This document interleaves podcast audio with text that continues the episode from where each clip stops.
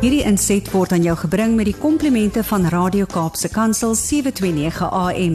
Besoek ons gerus by www.cape pulpit.co.za.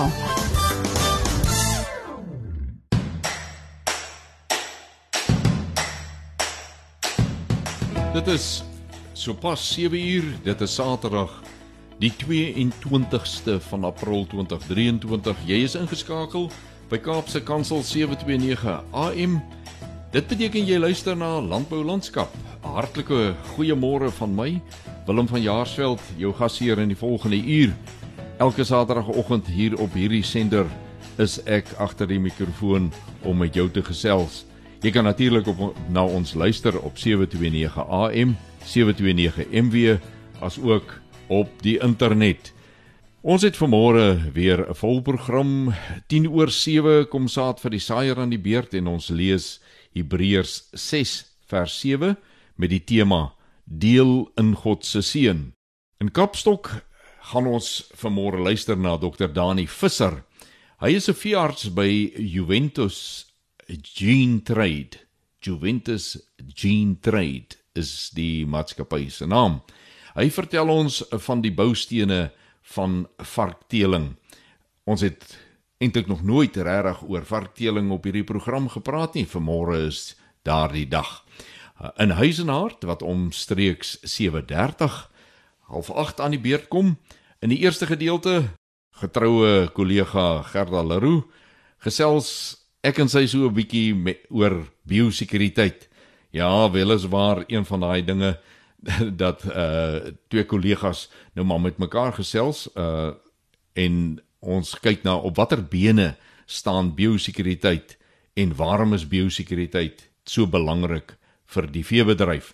In die tweede helfte van Huisenaard gesels Gerda met Rens Smit van die langgewens navorsingsplaas net buite Mamasbury oor herlewingslandbou. Nou herlewingslandbou is 'n vakgebied wat toenemend aandag kry in die Suid-Afrikaanse landbou.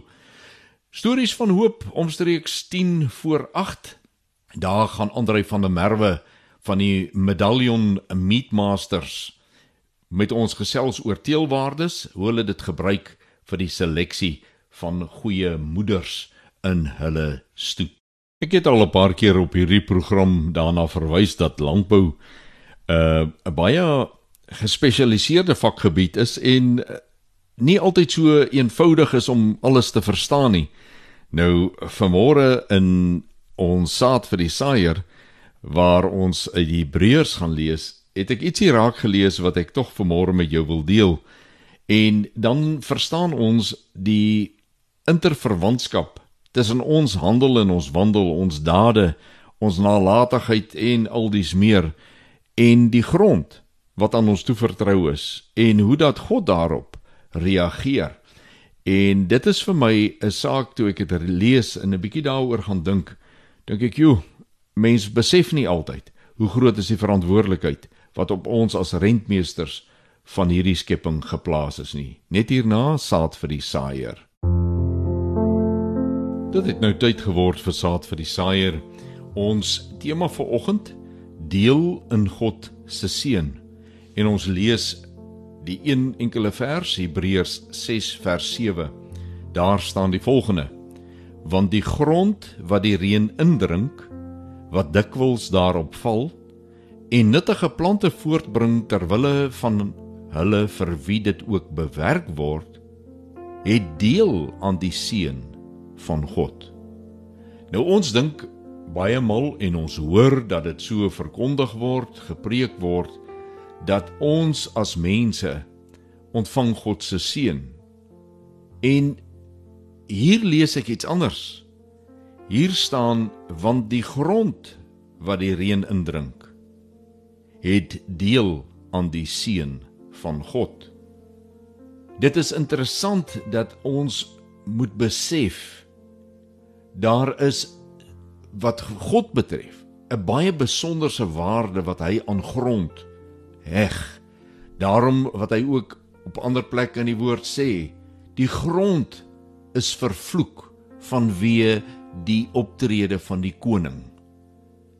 En die oomblik as die grond vervloek word, dan kry die landbou swaar, dan is die opbrengs nie wat dit moet wees nie en is honger mense die gevolg daarvan.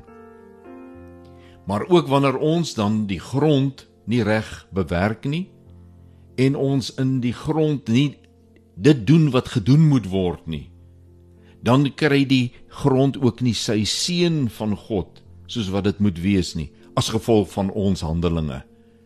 En lei ons opbrengs te skade en kry ons al swaarder as mense want ons moet leef van die opbrengs van die grond 'n baie baie interessante begrip kom ons bid saam Vader wanneer ons u woord bepeins en ons sien die dieptes daarin die ingewikkeldhede dan besef ons ons as mense kan nie alles op ons eie doen nie ons het u nodig om ons insig te gee.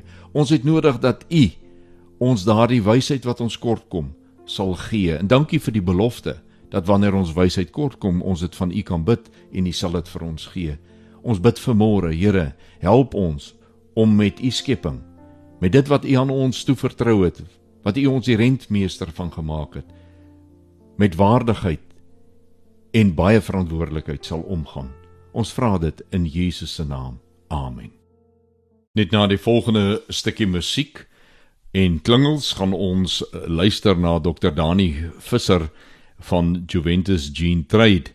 Nou hy gesels oor varkteeling en ek wil vir u sê ek het die voorreg gehad om vir 'n tyd in my lewe ook met varke te boer en ek het net agtergekom dat dit 'n redelike gekompliseerde dier is om mee te werk dit is glad nie so eenvoudig soos jy los die ding laat hy in die modder rol en dan uh, slag jy hom wanneer jy hom nodig het of so iets nie. Baie baie gespesialiseerde boerdery, baie fyn uh diere om mee te werk. Ek wil amper sê hulle is emosioneel vreeslik prikkelbaar. Uh ek het baie baie dinge geleer by varke. Misopvatting wat ek gehad het oor varke is baie vinnig in die kiem gesmoor. Ja, kom ons hoor vanmôre wat is die boustene van varkteeling net hierna. Ek gesels met Dr. Dani Visser van Juventus Gene Trade. Dr. Dani, hartlik welkom by ons program. Goeiedag Gerda en goeiedag aan die luisteraars. Hoe die landskap van varkteeling die afgelope 3.5 dekades verander?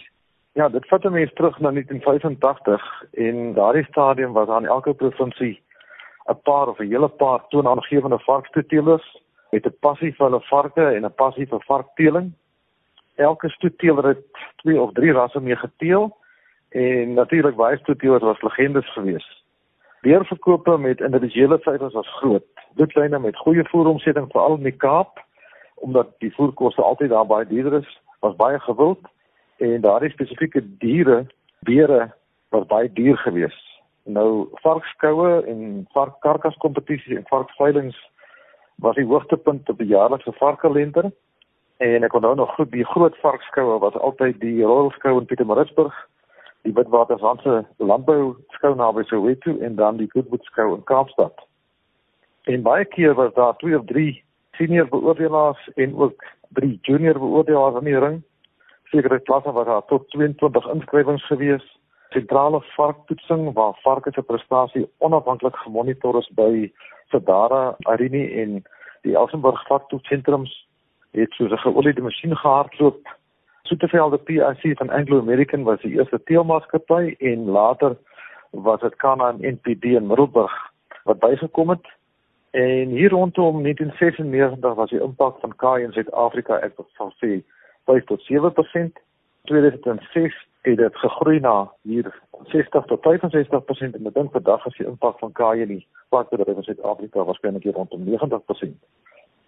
En ekonomie van skaal het vark eenhede groter geword meer gespesialiseerd en meer geïntegreerd en die bloudruk van die teelmaatskappye en franchising tesame met navorsing en tegnologie wat in ontwikkelde lande getoets en beproef is word uitgerol na ons bedryf hier in Suid-Afrika. Dit net so vinnig in 'n neutedop. Hoe lyk die mark vir varkstoeteling in Suid-Afrika? Wel ek dink 'n droom en 'n doelwit wat geleef en nagestreef word, gaan baie moeilik onderdruk word. Wanneer genetiese voortreffelikheid tesame met funksionele doeltreffendheid te mekaar uitkom, en daar's al reeds dekades van genetiese teeling agter die rug of agter daardie dier se rug kan mense sê dan verkoop so 'n teeldier homself en as 'n kliënt 'n voortreffelike diersoep van baie goeie kwaliteit gaan hy ook 'n premie daarvoor betaal. Nou daar's nog steeds 'n komponent van kommersiële produsente in Suid-Afrika wat hulle eie vervangings op gesteel en hiervoor benodig hulle suiwer rasse en 'n gefokusde teelbeleid. Vir die klein of die kleiner kommersiële varkboere wat nou tussen 25 en 100 soe het en waar hulle ver afgeleë boer, er suiwerbeere nog steeds 'n aanvraag. Nou het sy vir die teel van vervangingsstokkies of dan as terminale beere. Ek is omtrent so 20 jaar al betrokke by die uitvoermark van varke en hier speel die suiwer geregistreerde varke met stambome, prestasie, funksionele doeltreffendheid en diere wat gesond is en waarop die kliënte trots wil wees 'n baie groot rol. Ek kry ook baie navrae oor organiese varkboerdery, omgewingsvriendelike varkboerdery of uh, dan semi-ekstensiewe varkboerdery. Nou die Deerok landras en grootbedrasse figureer hier in 'n ander verband en hier van die suiwerras mekaar op 'n unieke manier aan. En dan dink ek die jeug moet ook ingetrek word. Dit gebeur baie keer dat en ek sien dit dat die pa was 'n stoetteler geweest die seun stel nie noodwendig belang in varkteeling nie, miskien in varkproduksie, maar die kleinkinders het weer 'n passie vir varke en vir varkteeling en ons ook 'n verantwoordelikheid om hier op te lei om stokkie deurs oor te vat om met varke te boer maar ook om ons varke te teel. Wat is die boustene vir suksesvolle varksteeling? Ek sal sê al begin jy met met 3 so en 1 beer. Maak seker dat die basisdiere waarmee jy jou teelpiramide gaan begin van baie goeie genetiese kwaliteit is. En dan dink ek aanvanklik dat mense met meer as twee rasse begin boer nie. Doen jou huiswerk baie goed. Jy moet amptelik 'n uh, lid wees van Varkteelers Genootskap en ook by SA Stamboek registreer waar jy jou diere amptelik op die nasionale database uh, laat opneem. Wel, deurlopende prestasietoetsing is 'n essensiële komponent van varkteeling. So hierso moet 'n mens soveel as moontlik diere prestasietoets, 'n baie hoë seleksiedruk toepas en dan hou jy net die bestes terug.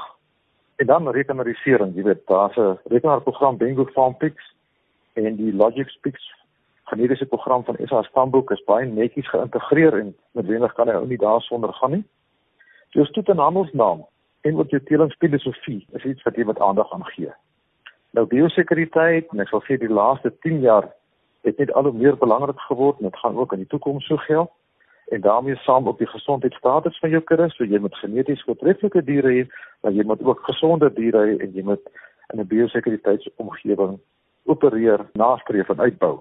En dan baie belangrik bemarking en haar persoonlike diens, met ander woorde opregte sorg en nasorg.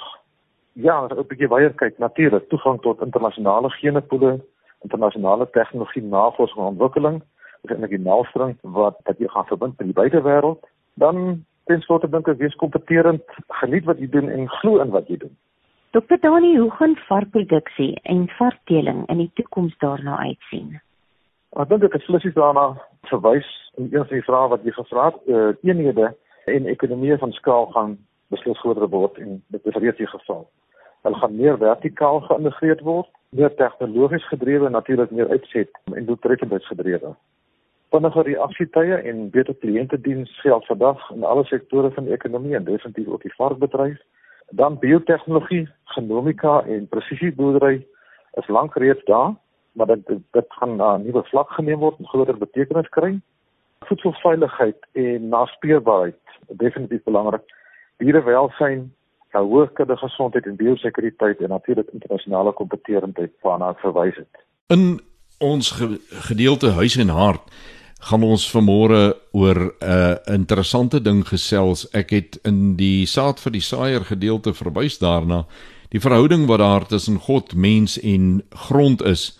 En wanneer Rens Smit vanmôre gesels oor die navorsing wat hulle doen by Langgewens net buite Mamasbury oor herlewingslandbou, dan sluit dit by hierdie saak aan ons sien dat daar 'n oplewing is in herlewingslandbou, daardie eh, manier van boer wat weer aandag gee aan die gesondheid van die grond, want ons besef net skielik ons maak met chemikalieë al hoe meer van die mikroorganismes dood.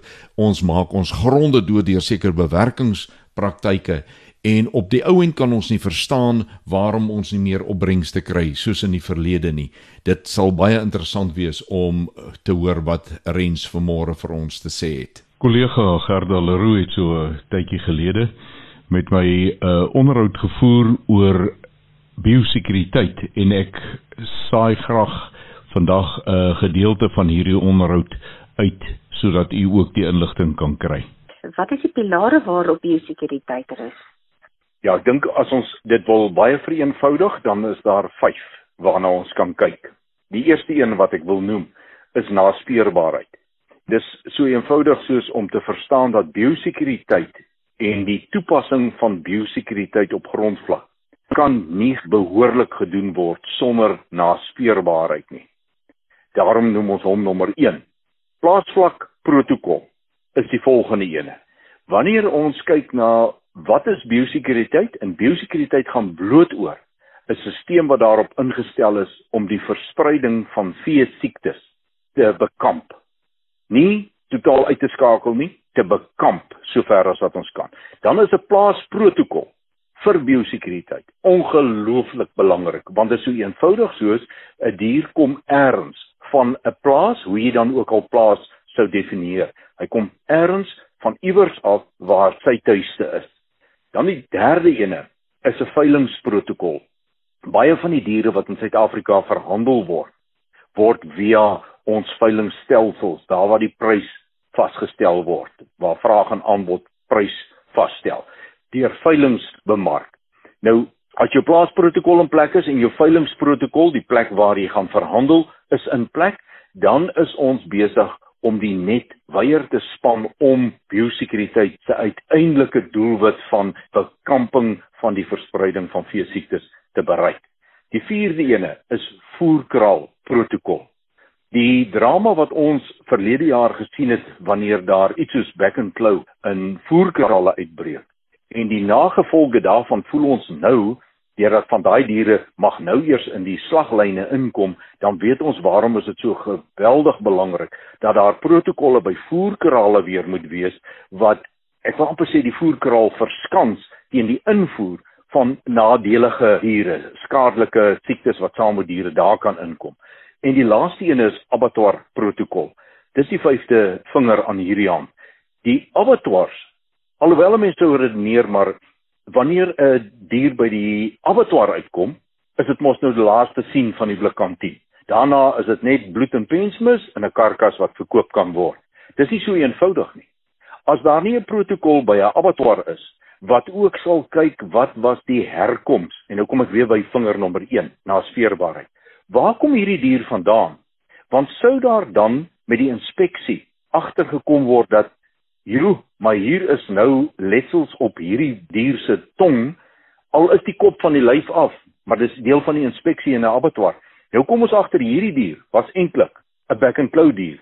Waar kom hy vandaan? Wie se nou was dit? Hoe is hy hier gebring? En onmiddellik die inligting wat daar uitkom is in die groter geheel van back and claw bestuur byvoorbeeld, as dit dan nou back and claw sou wees. 'n Baie belangrike komponent. Die abattoir protokol moet met ander woorde voorsiening maak om eintlik nog voordat die dier geslag is agter te kom dat hier is fout. So dis die vyf vingers: naspeurbaarheid, plaasvlak protokol, veilingsprotokol, voerkraal protokol, abattoir protokol. Hulle moet ek sien jy luister is biosekuriteit, almal se saak. Daar word niemand uitgesluit nie. Van die klein boer tot die kommersiële boer, die stoetboer, dit ook al is, almal is ingesluit. Dis elkeen se taak. Gerard, jy's 100% reg wat 'n vals beeld geskep het is toe daar in 2021 'n biosekuriteit van toepassing gemaak is op veilingskrale of die veilingsagente. Dit het in die breë publiek daar buite 'n idee laat vorm dat eintlik is dit net veilings wat hierdie gewig behoort te dra. Dis totaal en al verkeerd. Soos jy dit nou gestel het. Dit is almal betrokke in die lewende hawe waardeketting se belang en se plig om te sorg dat ons biosekuriteit op die regte manier doen. Die feit dat ons nie kan uitvoer nie, die feit dat ons so 'n probleem gehad het baie onlangs in verlede jaar nog met die uitvoer van ons wol Dit is 'n krisis vir die hele bedryf. Hierdie is nie 'n beesprobleem nie. Dit is 'n lewende hawe ekonomie wat daardeur benadeel word. So dis almal se verantwoordelikheid om jou klein deeltjie te doen want elke bietjie maak meer. Hulle meen nog 'n belangrike ding is wanneer jy daardie data vir jou deurgee en dit nou op skrif gestel is, dan moet dit akkuraat wees. Ja, ek dink die data wat baie baie akkuraat moet wees, gaan op die ou en die naspeurbaarheidsdata wees. Want in jou naspeurbaarheidsdata is die onderliggende, die grondliggende inligting wat nodig is om biosekuriteit in stand te hou. Want dis in jou naspeurbaarheidsdata waar jy sien waar die dier gebore, waar het hy groot geword, hoe het hy van punt A na B en na C en na D tot waar ek hom nou vandag moontlik kan koop. Wat was die pad wat hy geloop het? Waar het hy oral spore getrap? Want baie van die gebiede wat ons nie wil hê diere deur moes gegaan het en dan by 'n veiling op by my op die plaas as ek hom nou direk uit die hand by 'n ander boer sou koop, hy moes nie gaan spore trap het op sekere plekke nie. Ek wil weet as hy daar was en na speurbaarheid gee dit vir jou. Met ander woorde, na speurbaarheid werk dan biosekuriteit in die hand op daardie manier. Willem en dan het ek ook gesê dat jy die direkteur van Larda is. Nou waarvoor staan Larda? Larda is 'n akroniem vir die woorde Leadership Agriculture Rural Development Agency. Nou die naam is so saamgestel omdat as jy nou na die eerste 3 kyk, leierskap en dan landbou en landelike ontwikkeling agentskap, die eerste 3 woorde is baie belangrik omdat ek uit die landbouekonomie wêreld kom en baie met landbouleiers te doen gehad het, veral wanneer dit gaan oor familieboerderye, dan sien ons dat leierskap verskriklik belangrik is en dis nie 'n vak wat noodwendig aandag kry wanneer ons op universiteite sit en dis meer nie. En dis daai komponent en dan in die algemeen Lara is eintlik maar baie sterk ingestel op opleiding. Want as jy iemand wil bemagtig moet jy hom kennis gee. Jy kan nie met geld uitdeel mense bemagtig nie. Net grondige kennis van 'n vakgebied bemagtig mense. En dit was op die drie gebiede van leierskap en dan algemene landbou en jou plattelandse ontwikkeling. Dis waar Larda sy speelveld gevind het en dis waar die naam dan vandaan kom. Dit dan die onderhoud sover net ter inligting ons gebruik natuurlik sosiale media platforms om uh, inligting rondom biosekuriteit en aanverwante sake sover as moontlik uit te dra en uh, dienste lewer aan die landbougemeenskap van Suid-Afrika. So as as jy meer sou wou weet, hou maar die sosiale media platforms dop. Jy sal wel die spoor daar optel. Ek gesels met Rens Smit, hy's navorsingstegnikus by Departement Landbou by die Langgewens Navorsingsplaas. Rens, hartlik welkom op ons program. Goeiedag Gerda, goeiedag luisteraars. Rens, ek wil met jou praat oor insette in spesifiek 'n graanstelsel. Kan 'n mens te werk as jy jou insette wil verminder op so 'n stelsel? Ons werk met verskillende wisselboustelsels spesifiek op die prim wat ek is. So dis naby Moreesburg waar die navorsingsplaas geleë is. Ons doen op nog plase toets ons verskillende stelsels. Ek gaan meestal praat oor data en goed wat is op langgewens navorsingsplaas gesien het tussen Moreesburg en Mamasbury. As jy kyk na graanproduksie, dan kan jy dit nie meer net benader as 'n koringproduksiestelsel nie, want daar is soveel verskillende faktore wat inwerk. Dis waar die stelselnavorsing inkom om te kyk waar pas dit in en wat se stelsel gaan op die ou en die volhoubaarste wees en die meeste geld vir jou maak. So ons uitgangspunt is om nooit iets onnodig te doen nie. En die manier waarop ons dit doen is ons monitor die hele tyd doen grondontledings en kyk wat nodig is en as daar regtig 'n tekort is, spreek ons dit aan. Maar dan alles wat ons deur die seisoen doen terwyl ons ons grane produseer. Ons gaan nie 'n insek doodspuit as ons nie 100% seker is daai spesifieke inset gaan tot 'n ekonomiese verlies lei nie en die spuitaksie gaan vir ons geld maak nie.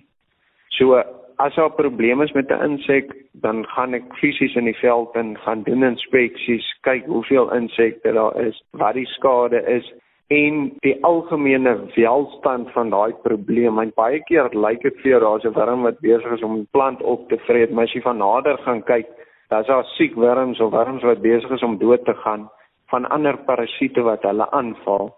En as jy net 'n tydjie wag, dan gaan die probleem van self weggaan.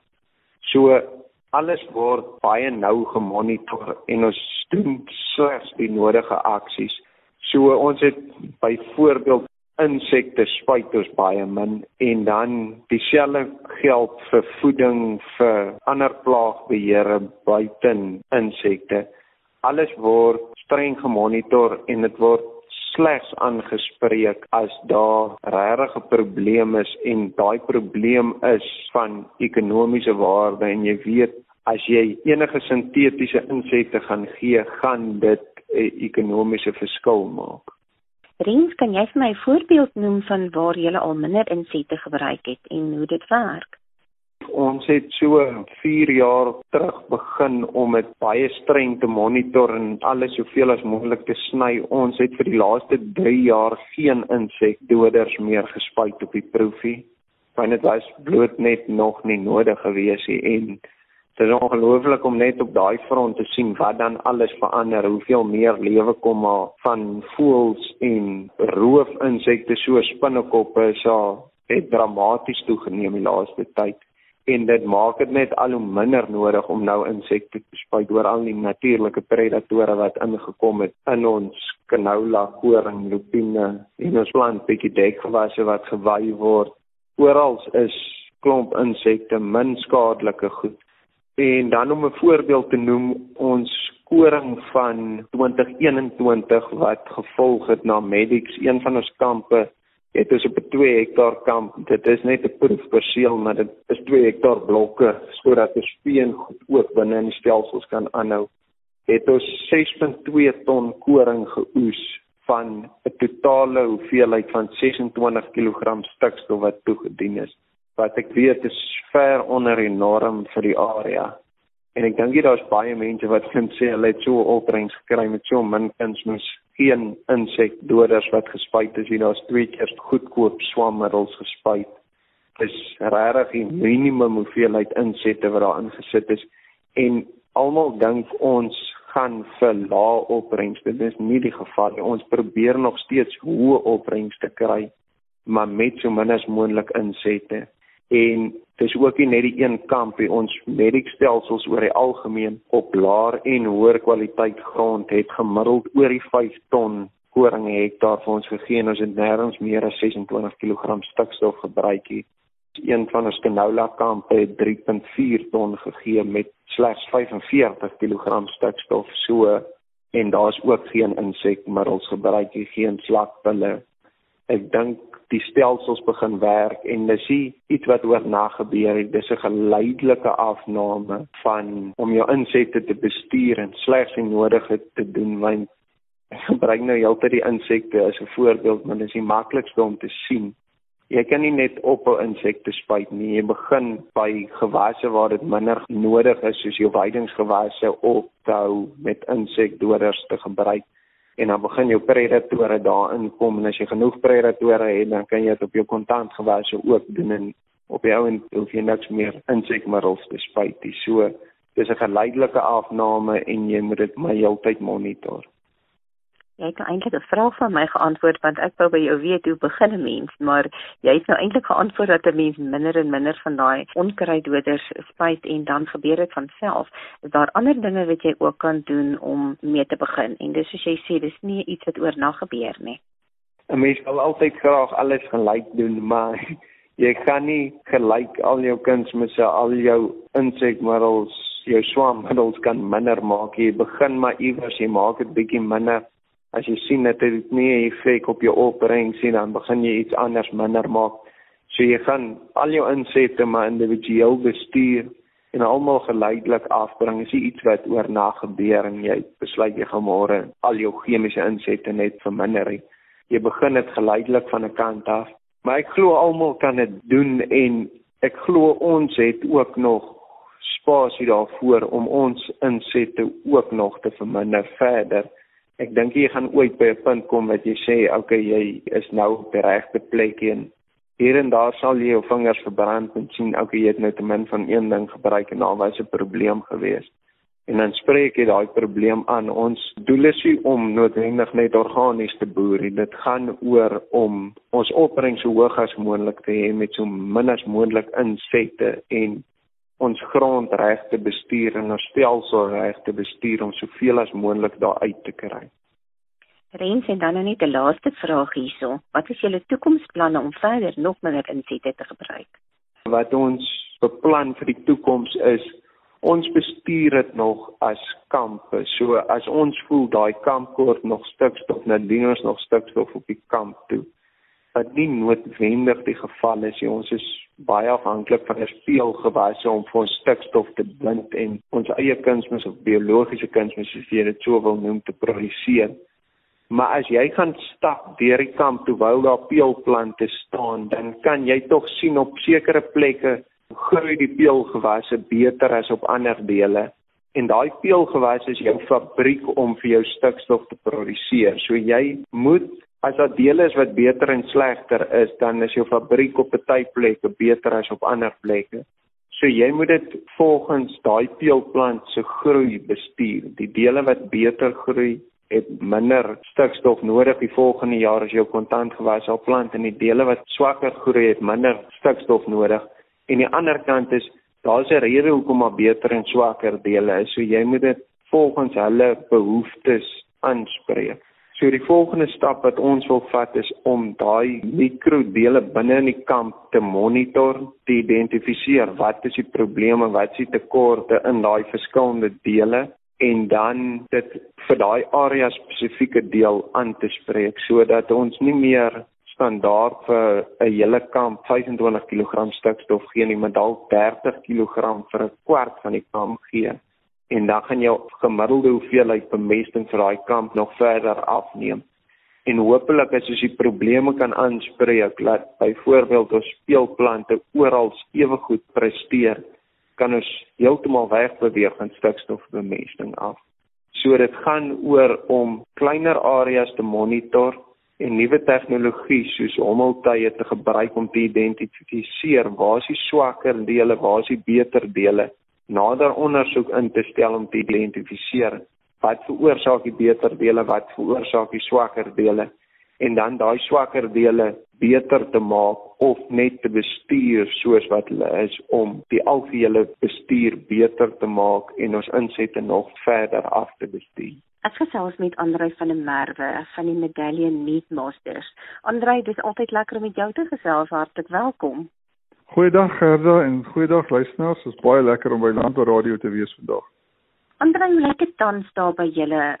Weet Gerda, ons is in Sutherland en die veld lyk redelik goed. Ons het redelike goeie reëns gehad veral einde Desember. Baie water, ook baie vloedskade gehad en ook nou in die laaste paar dae het ons weer reën gehad. Voor dit het daar al ouens weer 'n bietjie begin voer gee, maar daarom nie op groot skaal nie. Daarom nie meatmaster mense so ver ek weet nie. En kyk voor kyk nou 'n lekker winter. Ons het nou vroeë winterreens gekry wat nou sommer al in die laaste paar dae begin het. Ons is baie opgewonde. Dis goeie nuus wat jy nou net gegee het. Nou ek wil net met jou praat oor jou meatmasters. Nou, hoe belangrik is teelwaardes vir jou in jou kudde? Gerard, weet jy dis ontsaglik belangrik in medalje meatmasters. Ons het in 2011 begin met die teelwaardes met ons skape wat ons van Clinton gekoop het wat almal teelwaardes gehad het. So ons het van daai tyd af aangegaan en ek kon die effek sien van om teelwaardes te selekteer.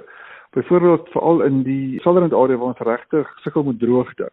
Moet 'n mens die teelwaardes wat veral op die moeder se melkeienskappe konsentreer, spesifiek die maternale teelwaardes, moet 'n mens dit regtig vashou terwyl die groeiwaardes en daai natuurlik ook moet vasgehou word maar mense moet baie baie seker maak dat mense gebalanseerde en veral verkieslik bietjie meer na die melk of die maternale teelwaardes neig in so 'n droë gebied. En ons sien regtig die resultate daarvan. Ons ramme se maternale waardes is baie hoog en ons verkoop ook sulke ramme natuurlik en dit gee vir ons oeilammers of wat ooi dit ook al gebruik, oeilammers wat genoeg melk het vir hulle nageslag. En dit is verskriklik belangrik. Jy kan byvoorbeeld dink as 'n ooi baie vrugbaar is en sy miskien 'n tweeling of 'n drieling, maar sy het nie genoeg melk nie. dan sit 'n koste vir die boer daai. Nie net die weet 'n koste vir direk nie, maar ook indirek want daai maak kry swaar en van die lammetjies gaan dood, die boer probeer hulle die lewe hou, jy het Hans lammers kos en, en en so aan. Maar as 'n mens goeie maternale waardes het, dan is vir ons ontsaglik belangrik. So dit is in ons droë areas wat vir ons die eerste ding en dan saam met die blipwaardes seker ken gaan dan er heelwat ander waardes wat natuurlik ook baie baie belangrik is. Maar vir ons gaan die die melk die maternale waarde baie belangrik. Jy het 'n belangrike ding gesê dat dit gebalanseerd moet wees hierdie teelwaardes. Hoe sorg julle dat dit gebalanseerd is? Wat doen julle? Ons teelprogram gebruik ons ramme wat as ons nou die melkwaardes vat en ons sit dit op oeye, jy weet ramme so dan maak ons seker dat daai ramme ook oor 100% groeiwaardes het. So jy weet 100 is die sê maar die, die gemiddeld vir die land se indekse en dan maak ons seker dat ons teelramme ten minste 100 of meer met ander woorde bo gemiddeld vir Suid-Afrika is in terme van groeiwaardes en ons maak doodseker dat die maternale waardes omtrent hier by 110 of meer gaan ons nou onlangs 'n ram gebruik met die maternale waarde van 130%, maar sy groeiwaarde, sy direkte en indirekte groeiwaardes was almal by 110, 115% gewees. So ons weet dat ons in die regte rigting beweeg en jy weet dat mense is amper soos om ballonne vashou, jy wil nie die een ballon vashou en dan al die ander moet los nie. So ons wil glad nie ongebalanseerd gaan met melkwaardes op die ouende het jy iets soos amper soos 'n melkskaap nie. Maar jy weet mense moet die groei want onthou veral in vandag se kompeterende vleismark moet die skape kan vinnig groei ook. Julle is ook by SA Stamboek. Wat is die waarde daarvan? Absoluut. Weet jy Gerda, SA Stamboek is vir ons van onsaglike waarde. Die ouens daarso en die data kerse dames daarso, hulle het regtig groot bydrae wat hulle maak. In die eerste plek is dit in terme van hulle kennis wat hulle deel so mens kan die kursusse doen wat dan jy weet enige boer jy hoef landbouopleiding te hê of 'n graad te hê of niks nie. Jy weet dan kan jy leer van teelwaardes en hoekom dit so belangrik is en wat is kontemporêre groepe en hoekom jy sekere groepe moet vergelyk met mekaar in jou stoet of in jou kudde of met mekaar in die land en daai goeters en hoe mense dit vergelyk en ook hoe hulle daai statistiese ontledings doen. So dis die eerste ding en die tweede ding is hulle vang die data vas op 'n platform wat ons noem Logix en dan is daai data beskikbaar. Dit is 'n reusagtige database is dan beskikbaar vir die nageslag. Dit vir lank nadat ek en jy weg is, is al die skape waarmee ons vandag teel se data steeds beskikbaar wees en steeds 'n effek en steeds gesien kan word. So dit gee vir ons wat jy noem 'n genetiese tendens. So die genetiese tendens in die meatmaster bedryf is om die genetiese waardes te verbeter. So dit is 'n opwaartse genetiese tendens. Daar is ander rasse wat nie het nie. En as dit nie vir vir stamboek en logics was nie, dan sou daar nie 'n genetiese tendens gewees het nie. Dan sou met ander woorde ons sou nie die genetiese vooruitgang kon bring wat ons wil as 'n ras hê nie want jy weet jy kan jou eie data hou by jou plaas maar as jy die hele land se data saamvat en jy kan vir die mense sê waar is hulle te opstel van wat waar kan jy 'n ram gaan koop wat daai teelwaardes het wat jy soek of daai inteling het of daai inteling nie het nie.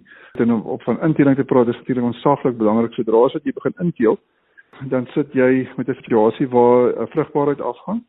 So jy weet en dan ook natuurlik dat weerstandigheid en siektes afgaan. En Logix help vir ons en Stambok help vir ons om intelingspersentasies te kan uitwerk vir elke skaap. So as 'n mens weet as 'n intelingsindeks omtrent so 6.5 of meer gaan, begin daai effekte wat ek genoem het vir inteling inklim. En dit is ons swak belangrik gerder want jy weet nou 'n meatmaster bedryf hou die boere van 'n mooi rooi meatmaster, dis so dit is. So wat gebeur is 'n mooi rooi ram word op die mooi rooi oeye gesit en weer gesit en weer gesit. So sonder dat die ouens dit weet as hy nie aanteken nie, dan kan daai skape ingeteel wees tot die mate dat hulle vrugbaarheid geaffekteer word en dat hulle weer teen siektes geaffekteer word en om daai skape dan te verkoop aan ander mense is dan jy weet eintlik iets wat daai nuwe boer dan redelik skade berokken.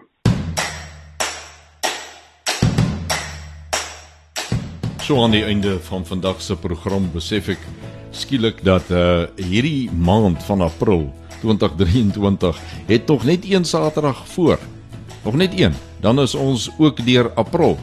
Dan is daar al 4 van die 12 maande van hierdie jaar net eenvoudig verby. Baie dankie dat jy vanmôre weer saam met my gekuier het. Dankie dat jy ook jou vriende en familie vertel van hierdie program dat hulle ook saam kan luister. Baie dankie aan Cape Pots varsprodukte mark wat landbou landskap vir ons elke Saterdag moontlik maak. Ek het reeds vir jou aangedui waar jy en hoe jy met ons kan gesels en maak asseblief so, ek hoor graag van jou Die stasie hoor graag van jou. Waar is ons luisteraars en waar stel julle belang? Dit is altyd lekker om 'n twee-rigting gesprek te hê. Baie dankie. Ons sal volgende Saterdag om 7 uur weer by mekaar wees, maar vir vandag groet ek Willem van Jaarsveld en mag jy elke oomblik Vader se guns op jou lewenspad beleef. Wederom luister gerus na die ander programme in vandag se skedule hier op hierdie sender.